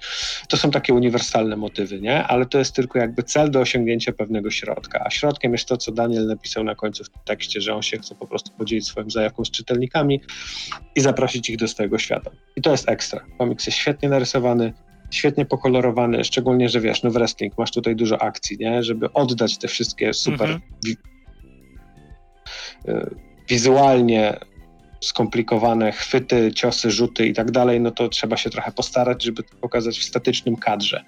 A to się wszystko tutaj autorowi, koloryście udaje. Więc to jest super. Jeżeli lubicie wrestling, no to musicie w ciemno ten komiks przeczytać. I to jest komiks, do którego ja wiem, że na pewno wrócę, bo będę go czytał teraz w zeszytach, na bieżąco jak będzie wychodził. Jak wyjdzie zbiorczy, to pewnie go przeczytam w zbiorczym i jak wyjdzie kiedyś oby w Polsce, to też go przeczytam po polsku. Zresztą tak samo jak było z Murder Falconem. To są rzeczy, dzięki którym Daniel Warren Johnson jest jednym z moich ulubionych współczesnych twórców komiksowych. Amen. Dobra, e, to teraz ja przejdę do, uwaga, mangi. Puhu. E, I te kamienie I, robiące u. I nie będzie to One Piece. Um, będzie to Miecz Zabójcy Demonów. Taki jest polski tytuł japońskiej serii Kimetsu no Yaiba. Um, i kurde człowieku. E, to zainteresowałem się, nie ukrywam, e, tym komiksem przez to, jak on się sprzedawał. E, ponieważ on zmiażdżył jakby sam ten jeden komiks sprzedawał się lepiej niż wszystkie Marvel DC. E, dlatego, że w pewnym momencie było w okolicy 150 milionów kopii krążących gdzieś po świecie, łącznie z cyfrówkami. Co? wow. Przesadziłem no. chyba ze 150 milionów kopii. E, ale e, bił rekordy za rekordami. E, naprawdę gigantycznej ilości się sprzedawał. I, I, to nie tak jak w, kiedyś, pamiętasz jak wchodziły te takie boksy, które mogłeś w ciemno zamówić i nagle jakiś z dupy komiks z IDW był na trzecim miejscu sprzedaży przez Diamonda, dlatego że kupili ich 100 tysięcy. E, tak. bo, bo, musieli je wsadzić do paczki, nie? Masz jakieś wielkie tytuły i nagle jakiś po prostu pierd. Nie wiadomo, co to było. Tak, a w tych wszystkich rankingach sprzedaży musieli to policzyć. Mm. Jakby nie patrzeć. E, no ale kiedyś właśnie trafiłem na artykuł, że, że ten miecz zabójcy demonów, że zjada dupą Marvela i DC, nie? No to się zainteresowałem, bo mimo wszystko, mimo wszystko uważam, że w takich produktach kultury, masówkach, jakby nie patrzeć, to jednak te. E, sukces oczywiście jest ciężki do zmierzenia, bo co to jest sukces, to można by długo dywagować. E, natomiast jeśli tak dużo osób się tym jara, to prawdopodobnie coś w tym jest. I nawet stricte. Wsiadasz do pociągu z napisem Hype Train. E, tak, tak, oczywiście. E, wydaje mi się, że wiesz, jestem w stanie zachować taką neutralność. Wiadomo, mm, jakby jak w czymś uczestniczysz, to ta neutralność prawdopodobnie zanika, bo zaczynasz się na przykład z czymś, e, z czymś utożsamiać. E, na, natomiast jest to dla mnie po prostu ciekawe, czemu ludzie się czymś jarają, nie? E, I czasem jesteś w stanie dojść do takich wniosków, że on, okej, okay, na przykład tu jest takie coś i, i w, w tym w tej mandze, tak, to się źle bym sobie odmienił, w tej mandze, no myślę, że jestem w stanie zauważyć takie rzeczy. Zresztą bardzo, bardzo mi się podobała. W Polsce jest obecnie wydanych 15 tomów. Łącznie jest, wiesz ile tomów? Nie wiem, pewnie jest 200. 23. A, to nie tak źle. No, prawda? To, to, to, też już jest miły szok, że o, czy to jest jakiś kolejny One Piece, że to ma tysiąc odcinków anime i nigdy nie zdołam tego zobaczyć. E, nie. jest to zamknięta historia i możesz ją sobie przeczytać i skończyć i się dobrze bawić. Więc to też jest miło. Y, wydaje mi się, że dużo właśnie tak naprawdę Naruto, Bleach, Dragon Ball jakby zepsuło, zepsuło, złe słowo, przyzwyczaiło niektórych z nas że to są rzeczy, do których jest ciężko wskoczyć, bo tego jest dużo. Tak, bo są tasiemcami. Tak, i mówią to ludzie, którzy czytają komiks, który się zaczął w 37. E, Na przykład. ale, ale miał mnóstwo restartów po drodze i właściwie regularnie się restartuje. O, chciałbym zacząć czytać Batmana. O, stary, patrzę teraz na zegarek, poczekaj jeszcze rok i zacznie się na nowo. E, no, ale tak czy siak, wydaje mi się, że właśnie te takie długie mangi e, sprawiły, że że część osób bało się wskoczyć do, do jakby do tego świata. E, natomiast tutaj no bez problemu możesz wskoczyć, bo 23 tomy to 23 tomy mangi, bo to też wydaje mi się, że zupełnie inaczej jakbyś, wiesz, miał teraz e, serię na 23 tomy, to nie wiem, A chyba kto baśnie. E, Waneko. No to wiesz, jak to mówisz, że wyszło 15 tomów, no to jak zaczniesz teraz czytać, to zanim skończysz, to może akurat wydadzą resztę. Tak, no i masz z głowy, nie? I nie ma 100 tomów jak One Piece, żebyś no. nie miał gdzie tego trzymać. Eee, plus oczywiście są biblioteki. Ale, tak czy siak, mm, myślę, że właśnie w, tym, w, tej, w tej mandze jest dużo tych mm, odnośników. Wydaje mi się, że wbrew pozorom e, manga jest bardzo reprezentatywna dla, dla wielu osób, bo większość z tych osób ma jakieś problemy, z którymi możesz się utożsamić. E, w przypadku superbohaterów najczęściej e, twoi rodzice muszą zginąć w wypadku, żebyś się mógł zacząć e, z czymś, z czymś utożsamiać, albo jakiś psychopata e, twojego pomocnika zatłucze łomem. Mam nadzieję, że niewiele osób się utożsamia e, z tym i, i nie nie przeżyło takich paskudnych rzeczy. Natomiast tam są, wiesz, jakby zwykłe, zwykłe problemy. E, czytałem też kiedyś jakiś artykuł o tym, że Naruto jest bardzo popularny wśród czarnych w Stanach i było wytłumaczenie, że to jest tak naprawdę to samo, co kultura gangów. Naruto. W sensie, że masz zamknięte grupy, które się wspierają i pokazują symbole rękami. E, natomiast ogólnie jest o przyjaźni, więc e, jakby od razu do ciebie trafia. I stąd też prawdopodobnie e, wiele, wiele sukcesów. Inaczej teraz patrzę na Naruto trochę, którą serię ogólnie, mm, ogólnie lubię. Natomiast tutaj w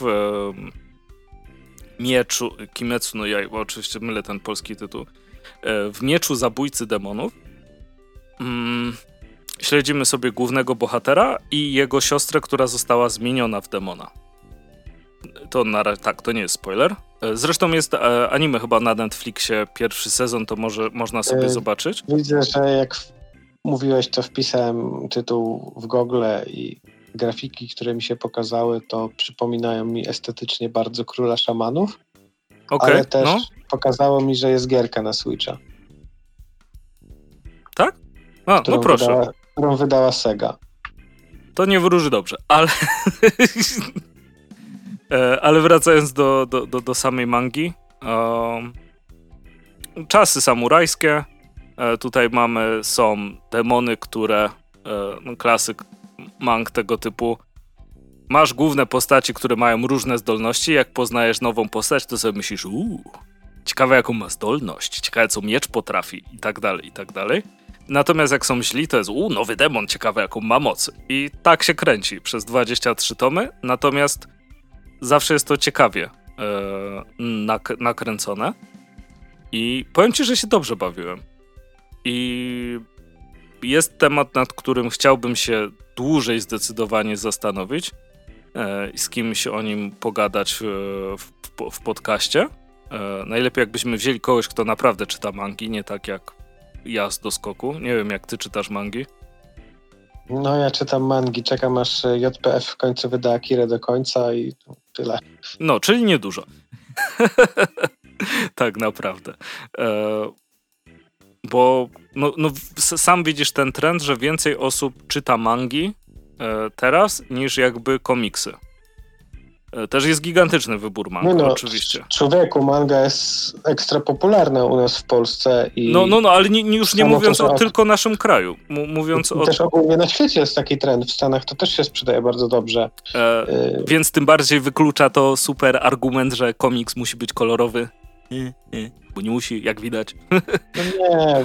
Może po prostu to, co... fabuła kogoś bardziej, bardziej interesuje. Jest, to jest, myślę, to, co wielokrotnie powtarzał Krzysiek, że lepiej mieć dobrze, poczekaj na odrzut, lepiej mieć gorzej narysowany komiks, przy czym gorzej rozumiem tu na przykład to, że nie ma kolorów, tak? Y, tak, to go, dobrze, gorzej jest ale... oczywiście bardzo oceniające, ale nie o to tu chodzi. No wiesz, że le, lepiej mieć komiks, który jest może troszeczkę gorzej narysowany, albo na przykład nie ma koloru, albo na przykład coś tam, ale jest dobrze poprowadzony, sprawnie, fabularnie i fabuła cię wciąga, strony się same przewracają i chcesz wiedzieć, co będzie dalej, niż mieć pięknie, ultra, super, najlepiej na świecie namalowany, narysowany komiks, który fabułę będzie miał tak denną, że po dwóch stronach nie będziesz już czytał tych dialogów, czy tam poznawał historię, a będziesz sobie tylko oglądał rysunki. Bo tak, rysunki no bo masz seryjnego artbooka. Nie? Tak. Na przykład. Nie? Pozdrawiam wszystkich fanów Spawna, nie? o, no chociaż miał swój urok, jak byłeś dzieciakiem. No, ale wiecie o co chodzi, nie? Tak, no. no. Ogólnie przekaz jest w tę stronę. Nie, ja, ja się z tym jak, jak najbardziej, jak najbardziej zgadzam i wydaje mi się, że mm, no oczywiście żenujące jest, jak ktoś, wiesz, podchodzi z założenia, że, że nie będzie czytał mangi, bo jest głupia, nie? I będzie czytał po raz kolejny ten sam western robiony w Europie. Eee... Nie, czy, czytaj sobie siódmy raz jedynkę Spidermana, która co roku wychodzi, znaczy no, że co dwa lata jakaś jedynka, czy jakiś reboot, czy jakiś restart i Peter Parker to już robił wszystko po trzy razy, nie? No, nie to, żebym teraz też cisnął, bo jest wielu fanów Spidermana i okej. Okay, nie no, ale... ale... po prostu wiesz, trzeba zaakceptować, że, że ludzie lubią różne rzeczy. Eee, wracając. Każdemu jego porno. tak, dokładnie. Ale wracając do miecza zabójcy demonów, e, to ja wam szczerze polecam, bo da się w to wskoczyć. Jest dobrym takim to, taką odskocznią od super poważnych rzeczy, chociaż też jest tutaj jakieś miejsce na refleksję. Ja się dobrze bawiłem przy, przy serii. Waneko to sobie wydaje. 15 tom wyszedł. Nie, z tego co widziałem w datach premier, to zawsze w okolicy, w okolicy 18 dnia miesiąca um, ukazuje, ukazywał się kolejny tom. E, więc nadal możecie to w, to wskoczyć. Jeśli nie, to możecie sobie na Netflixie sprawdzić, czy wam się podoba. E, bo jest naprawdę spoko. I to jest po prostu dla, dla mnie osobiście yy, najnormalniejsza manga taka rozrywkowa, gdzie są fajne miecze, są no, charakterystyczne postacie, yy, są fajne moce, które się dzieją, spoko nakreślona fabuła, oczywiście w jakiś sposób przewidywalna, ale czy kogoś to obchodzi? No, no niespecjalnie. Będę się odwoływał do mojego koronnego argumentu, że e, powodzenia, jak oglądasz Jamesa Bonda, żeby się zaskoczyć na końcu, e, że przeżył. Wow. się nie tak. spodziewał. tak, Może tak. cię zaskoczyć tylko sposób, w jaki się wykaraskał. Ale... Tak, no do, dokładnie. Czy jak wiesz, jak e, oglądasz cokolwiek, co już ma ileś odcinków do przodu, nie? Chociażby już wrócę do tego One Piece'a, o którym zacząłem, e, że, że, że oglądam. Jestem na odcinku 400, 400? Którymś tam. E, w okolicy 400 e, i jest jakieś u, wielkie zagrożenie. Ja sobie myślę, wiem, że jest jeszcze 700 odcinków, więc na bank przeżyją. No nie, jest, nie, nie, jest to jakieś gigantyczne zaskoczenie dla mnie, ale no ważna jest ta droga, nie? Jak to się potoczy, co będzie się działo, czy, czy, czy będzie zabawne. E, no bo trochę też tego oczekuję. W tym mie Mieczu Zabójcy Demonów e, aż tak dużo tego humoru nie ma. Trochę tam jest, bo zawsze jest jakiś taki comic relief tutaj. Zwłaszcza jeden, jeden bohater jest. E, jest wspaniały, możesz sobie wygooglować, jak wygląda. Mm, jest postać, która się nazywa Inoskę i Inoskę uwielbiam, ale to chyba jest też zaprojektowana postać, żeby wszyscy go uwielbiali. E, biega z taką maską śmieszną i ma poszarpane... Takiego dzika. Tak. O. A to kojarzę gdzieś figurkę ostatnio chyba widziałem. No, no wi widzisz jak to przenikło. Tak. Z, ty, z, tym też jest bardzo fajna rzecz, jak są pokazane osoby, które kują te miecze. Mm, I, i no, noszą taką tradycyjną maskę, nigdy nie widać ich prawdziwej twarzy, natomiast ta maska się zmienia, jak są wkurzone, jak coś się robi z tym mieczem. E, więc może przesadziłem z tym brakiem humoru. Trochę humoru jest e, i jest całkiem nieźle z tym, co mnie bardzo odrzuca od wielu japońskich produkcji, czyli z takim spermiarstwem. Bo w niektóre tak. gry japońskie teraz włączasz i sobie myślisz, nie, no nie, to nie, nie jest to nie jest już gra mnie po prostu. Momentami to jest totalnie na siłę, że wiesz, produkt nic by nie utracił, gdyby tego nie było. Właśnie, w Pokémonach nie ma aż tak cycu. Jest, ale że no, japońska kultura, czy, czy nie wiem jak to nazwać. Właśnie, nie wiesz czy japońska, znaczy na, na pewno nie każda wiem. ma swoje, ale może powiedzmy, że Pewnych stereotypowy kręgów. odbiorca takich produktów jakby oczekuje tych cyców wszędzie. Tak, bo zaraz jakiś znawca kultury japońskiej mnie zakrzyczy i może będzie miał nawet rację, ale to nie o to chodzi. No. Tak, no nie, nie o to chodzi. Czy tak. jakichś tam grup społecznych z Japonii tego oczekuje i może to dostają, aczkolwiek produkt nic by nie utracił, gdyby tego nie było, bo to nie o to chodzi i nie to jest clue całego jakby Dokładnie. No, no a nie, nie jestem takim spoceńcem z piwnicy, żeby że, żeby mi to imponowało, a ra, raczej mnie z, zniechęca w wielu momentach taki e, trope o głupiej dziewczynki, którą trzeba ratować, czy coś takiego. I tutaj jest ok z tym. Bo, bo, no, to, no to spoko. Ta, no, no właśnie.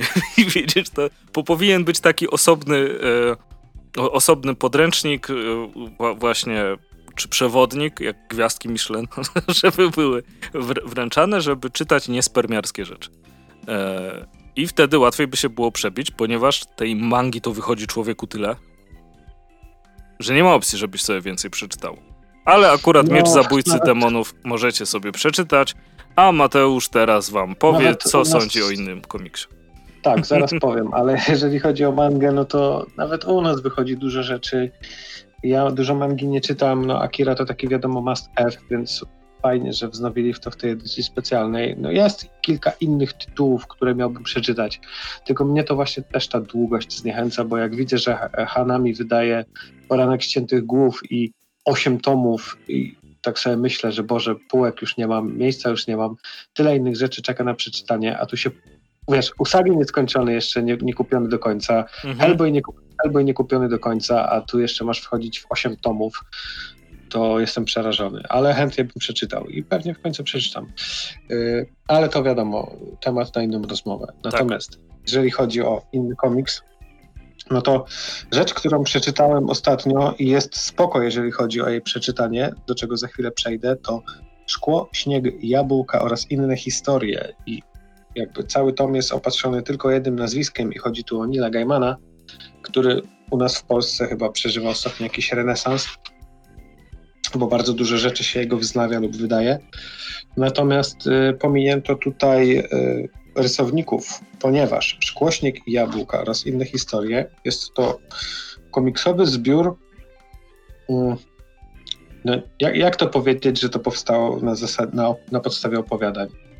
No nie powiesz, Adaptacji? Inspirowane opowiadaniami? Adaptacja, o właśnie, adaptacja y, opowiadań Nila Gaimana, czyli po prostu Neil Gaiman napisał sobie opowiadania, które gdzieś tam zdobyły większą lub mniejszą sławę, a później napisał sobie scenariusz komiksu na podstawie swoich własnych opowiadań. I jakby cały ten tom, który wydał Egmont jest praktycznie na grzbiecie Neil Gaiman, na froncie Neil Gaiman. I tak można by było zrobić y, na zbiorze opowiadań, które sam napisał, ale tutaj nie oddano należnego szacunku rysownikom. Y, co jest swoją drogą ciekawe, że w Stanach się jakoś tak bardziej pomija tych rysowników, a u nas w Polsce mam, na, mam wrażenie bardziej scenarzystów. No ale y, mniejsza o to. W każdym razie tomik ten jest zbiorem trzech historii komiksowych, które zostały stworzone na podstawie opowiadań Nila Gaimana. Ich historie to Trollowy Most, Scenariusz oczywiście Neil Gaiman, natomiast rysunkami zajęła się Colin Doran. To jest autorka, która też przy Sandmanie, jeżeli dobrze pamiętam, pracowała i zdobyła kilka Eisnerów, więc jest to uznana rysowniczka. E, jest też chyba najgłośniejsze opowiadanie, jeżeli dobrze kojarzę, jak rozmawiać z dziewczynami na prywatkach. I tutaj Neil Gaiman scenariusz, a Fabio Moon i Gabriel Ba, czyli znany duet brazylijskich artystów, chociażby autorzy Day Trippera, e, czy chociażby wydanych u nas niedawno dwóch braci. No i jest tytułowy Szkłośnik i Jabłka, czyli Neil Gaiman i również Colin Doran. E, takie dwa zbiory już były u nas wydane na podobnej zasadzie, że komiksowe historie na podstawie opowiadań i to było, też to Egmont wydawał, to było Stwory, Nocy i inne historie i było też historie prawdopodobne i to jest taki trzeci zbiorek.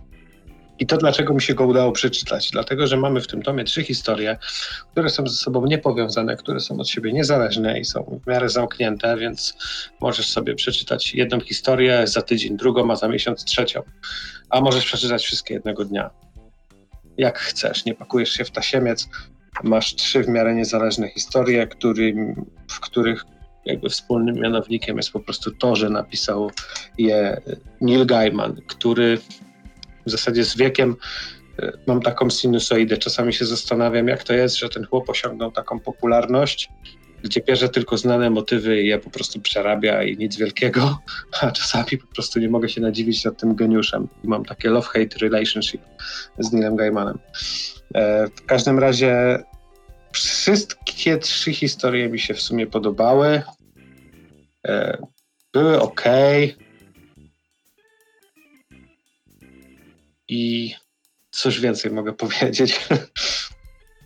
No były ok, no każdy z nich jest trochę inny. Trollowy most jest taki bardzo baśniowy, e, z pewnym twistem na końcu, taki bardzo gaimanowski. Jeżeli ktoś jest zapoznany z twórczością Gaimana trochę bardziej, no to znajdzie tutaj takie typowe dla niego zagrania. E, Trollowy most kiedyś czytałem na pewno. E, pozostałych dwóch opowiadań, mówię o oryginale, o opowiadaniach, nie pamiętam, czy czytałem. Możliwe, że czytałem i już zapomniałem, a możliwe, że, że, że nie, bo jeżeli je czytałem, to dawno temu. Przeczytałem już od tamtej pory tyle rzeczy, że to już się miesza wszystko. E, jak rozmawiać z dziewczynami na prywatkach, to jest chyba najlepsza historia, jest e, fajnie. No, Gabriel Ba i, i, i Fabio Moon, no to wiadomo, że to są uznani artyści i tych ludzi zawsze w ciemno, więc e, rysunek taki bardziej, kurde, jak to powiedzieć, no każdy, kto widział, to wie, ale to jest... wspaniałe, jest, wspaniałe. Tak, dla kumatych, nie? Wiesz, w porównaniu... Kto ma wiedzieć, gdy, ten wie. Tak, gdy, gdy trollowy most jest narysowany, tak wiesz, bardzo baśniowo, momentami byś nawet mógł pewne kadry wyciąć i potraktować to jak jakiś obraz, szczególnie ten troll z trollowego mostu, to normalnie momentami Filip Myszkowski wyjęty, jakby to Filip Myszkowski, nie, nie, nie w sensie, że on, tylko tak jakby jego dzieła. dzieła Filipa Myszkowskiego. Więc w tę stronę. Natomiast no, no, no Fabio Gabriel Ba, wiadomo, bardziej powiedziałbym no kreskówkowe, takie karykaturalne, mocne kontury, te takie specyficzne kształty głowy, nierealne, no, no bardziej no. takie slapstickowe nawet momentami wręcz kartunowe, ten taki ciepły pastelowy kolor. E, I to jest w ogóle fajne, że do takiej historii y, wzięto takich rysowników i wbrew pozorom to fajnie ze sobą gra i, i, to się czyta naprawdę fajnie, a tak jak mówiłem, no można sobie tą historię tak po prostu niezobowiązująco te kilkadziesiąt stron przeczytać i tyle. I sobie przejść do, do innych rzeczy. Y, więc fajnie. I no, nie jest to komiks, który wiesz, no, nic mi nie dał, nic mi nie zabrał, ale lektura była fajna, nie żałuję czasu. Y, jeżeli ktoś lubi Gaimana, no to tym bardziej. Jeżeli ktoś czytał te opowiadania i chciałby sobie zobaczyć, w jaki sposób można je przenieść na język komiksu, to też fajnie, zawsze to jest jakaś tam dodatkowa wiedza czy lekcja. Jakbym to miał ocenić w skali szkolnej, to takie 4 na 6 jest ok. Jak chcecie sobie odpocząć od tasiemców albo zrobić przerwę pomiędzy jakimiś sagami czy, czy tasiemcami, no to fajnie sobie coś takiego sięgnąć. E, porządny komiks, porządnie wykonany, jakoś bardzo tu się nie ma co, co czepiać, jeżeli chodzi o, o wydanie czy o jakość. Nie ma jakichś błędów, które cię rażą, walą po oczach. Historie są ok. I tyle. Dla fanów Gaimana w ciemno, cała reszta jako przerywnik może sobie, może sobie gdzieś tam to uwzględnić w lekturze. Dobra, to ja przechodzę do ostatniego komiksu mm, dzisiaj. To jest taki, no ciężki kaliber, powiedziałbym, na koniec. E, jest to Memento Mori fińskiej autorki T. Tutakalo. E, I jest to komiks autobiograficzny opowiadający o, no właściwie od momentu zdiagnozowania u autorki krwiaka śródczaszkowego do tego, jak wyglądało leczenie, jak wyglądało radzenie sobie z tym i różne rzeczy, które zdarzają się wielu osobom, a na pewno są bardzo, bardzo ciężkie. Mm, może na razie skupię się na tej e, warstwie, po, powiedzmy, tekstowej, scenariuszowej. E, no jest to duży, duży ładunek e, emocjonalny, e, zde, zdecydowanie, bo to, no, to ciężki temat, jakby nie patrzeć. E, taka bezsilność to jest jedna z najgorszych rzeczy, jaka, jaka może ci się przydarzyć, bo no musisz czekać, co się stanie, prawda? I tutaj jest to pięknie pokazane właśnie od prób akceptowania tego. Nie chcę zdradzić końcówki, ponieważ końcówka je, jest, jest niesamowita. Zrobiła na mnie naprawdę wielkie wrażenie. E, ostatnia, nazwijmy to scena e, w, w komiksie naprawdę ekstremalnie dobre połączenie tekstu z warstwą wizualną, która się tutaj uzupełnia. Perfekcja. E, I świetne, świetne zakończenie takiej, takiej książki. E, nie ma tu klasycznej polskiej szkoły filmowej, czyli jest źle, a potem jest gorzej, a potem jest jeszcze gorzej. E, ty, tylko jest to wypoziomowane, bo rozmawiamy o, o poważnym temacie, o bardzo potencjalnie niebezpiecznym, znaczy potencjalnie, o bardzo niebezpiecznym e, e, temacie i jakby burzy uczuć, e, takich jak strach, e, gniew i tak dalej, e, które mogą temu towarzyszyć, ale to jest w taki sposób, że, mm, że komiks cię trochę z tym tutaj oswaja.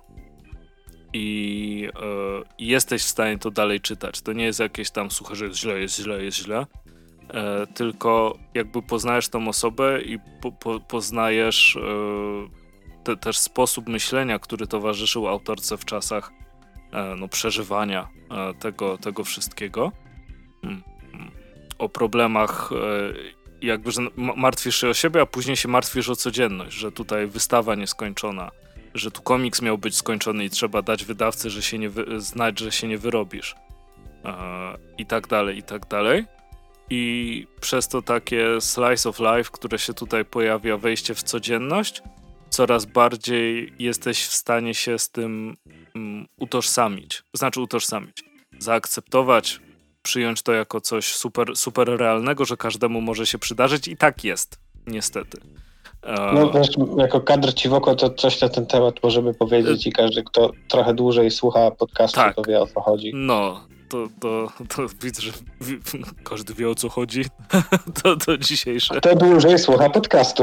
To, to, to dzisiejsze, dzisiejsze przesłanie. E, ale tak czy siak, e, no komiks jest na pewno trudny. Wydaje mi się, że jeśli w jakimś niedługim czasie doświadczyliście jakiegoś cierpienia z powodu choroby czy, czy czegoś takiego,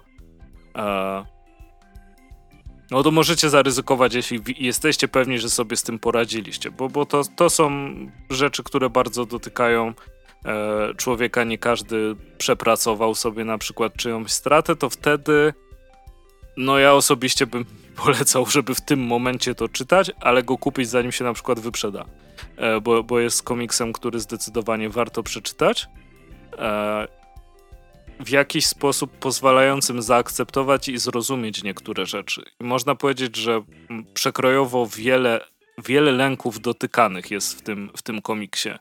e, jest dotykane też e, coś, co rozumiem, skąd to się bierze i mam nadzieję, że kiedyś ludzie przestaną to robić, czyli autodiagnoza przez internet. Bo no to, to trochę jest tak jak w, mając, ile się miało lat w gimnazjum? 14 powiedzmy? Whatever, 13? No powiedzmy, że tak. No, coś koło tego. E, jak sobie, jakby wejść na stronę zegarśmierci.pl i wierzyć, że po prostu jakaś randomowa strona w internecie e, jest w stanie ci powiedzieć, kiedy się umrze. E, tak czy siak. Tu, tu ten komiks e, świetnie przedstawia właśnie uporanie się z wieloma aspektami tak, tak ciężkiej choroby i też pokazuje to w bardzo piękny sposób. Bardzo się waham nad użyciem tego słowa, jednak piękny, bo mimo wszystko to jest, to, to jest, to jest bardzo, bardzo straszne. ale opowiadam wam trochę o tym komiksie, jakby był horrorem, a zdecydowanie nie jest w żadnym wypadku nie żałuję przeczytania tego komiksu, bo to jest bardzo oczyszczające.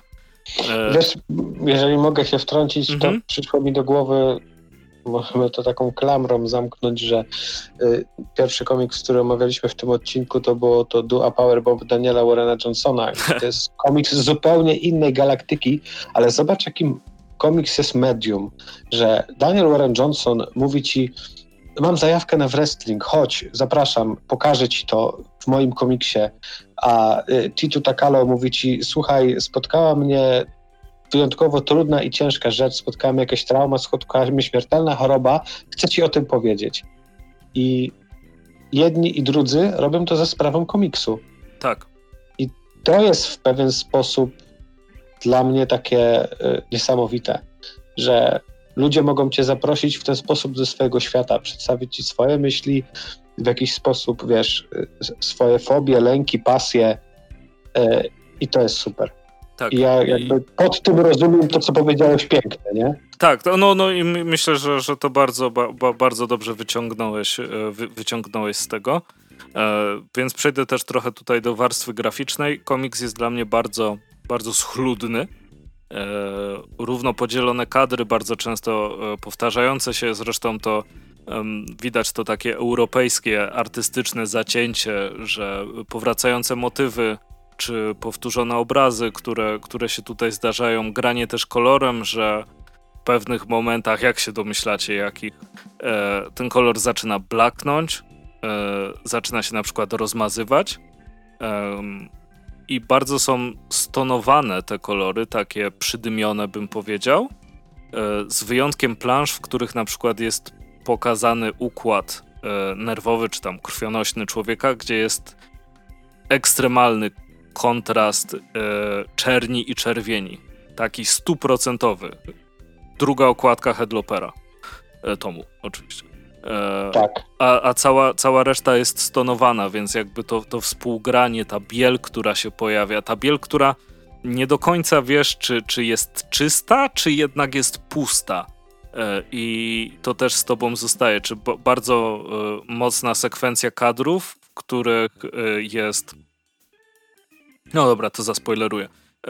Uśpienie do zabiegu i masz po prostu pra prawie że stronę czarnych kadrów. E, ale nie do końca czarnych. Takich rozmytych czarnych, dziwnych. E, więc buduje to jakiś niepokój, natomiast ostateczna e, ostat morał, ostateczna jakby lekcja, którą jesteś w stanie wynieść z tego z tego komiksu jest moim zdaniem bardzo pozytywna i bardzo dobrze nastrajająca. Co też jest fajne, że niekoniecznie po burzy wychodzi słońce, można tak powiedzieć, ale przynajmniej nie zmokłem. To, to wydaje mi się takim, e, takim efektem tutaj. E, I, I bardzo mnie to nastraja. Daleki jestem do używania czegoś takiego jako terapii, bo ostatecznie nic nie zastępuje terapii i niektóre. E, bardziej bym powiedział może w jakiś sposób terapia, ale tego nie wiem, ale terapia dla autora niż dla czytelnika. E, a to, to to, to myślę, że na pewno. I zresztą bardzo dobrze zrobiona i znikąd, znikąd się nie wzięła, bo to wszystko, wszystko jest spójne. To nie jest e, jakiś taki, wiesz, zapis dzienniczka. To jest naprawdę mm, kawał sztuki komiksowej tutaj, tutaj zrobione. E, natomiast bardziej chodziło mi o to, że nie uważam, że ten komiks pozwoli wam e, uporać się, jeśli doświadczyliście czegoś takiego. Natomiast e, w jakiś sposób pozwoli wam zobaczyć, że ludzie tego doświadczyli i wytrwali. I to jest takie coś, co naprawdę e, pozytywnie nastraja. Potrafi być budujące. Tak, tak, zdecydowanie. No, więc sam, sam komiks Memento Mori, jak, jak już sam tytuł sugeruje, e, wiecie o czym jest i ja go, ja go serdecznie polecam, bo robi naprawdę duże wrażenie. I to wszystko, co przygotowaliśmy w dzisiejszym odcinku. Słyszymy się za dwa tygodnie. Dzięki, że byliście z nami przez te półtora godziny. O, aż tyle wyszło? Aż tyle wyszło. No, no fajnie było do was pogadać, bo byłem dwa tygodnie temu, mnie nie było. Teraz, yy, teraz jestem i do, do, do za dwa tygodnie. No słuchałem tego odcinku z Wojtkiem i aż mnie po prostu świeżbiło, żeby się odezwać. Hmm. A, no, a zaraz sprawdzę, czy jest jakiś komentarz od ciebie. Jak nie będzie, to. Nie ma. nie ma. No, dobra. Dzięki, że nas słuchaliście. Do usłyszenia. Do usłyszenia i cześć. Kadr wam w oko.